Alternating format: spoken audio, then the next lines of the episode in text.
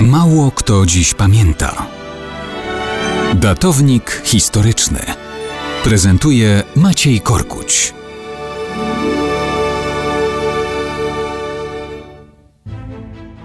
Mało kto dziś pamięta, że 22 września 1236 roku miała miejsce bitwa pod Szawlami na Litwie.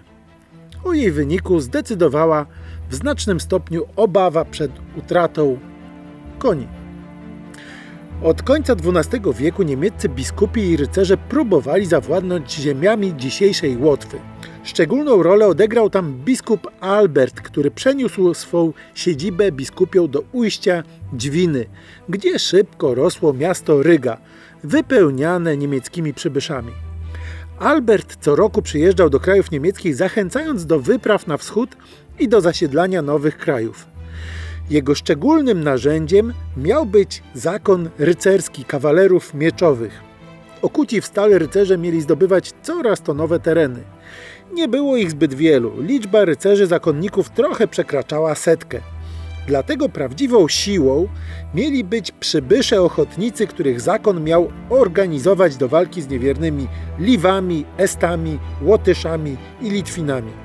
Napędzało ochotników rzucone od lat hasło wypraw krzyżowych przeciw poganom. Pod koniec XII wieku cesarz Henryk VI miał zorganizować wyprawę na Bliski Wschód. Wielu rycerzy ślubowało udział w walce z niewiernymi, a ta krucjata w końcu do skutku nie doszła.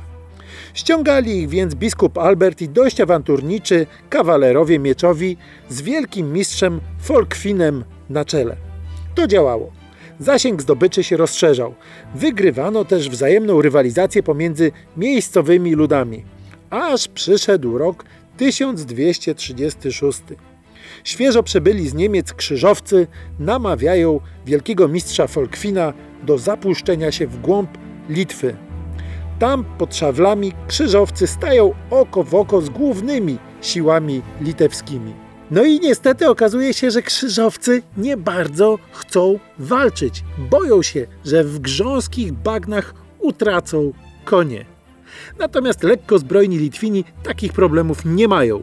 Atakują z całą siłą i wyżynają najeźdźców do nogi.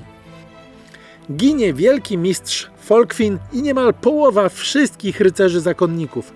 Do tego ogromna ilość owych krzyżowców. No cóż, koni im było żal.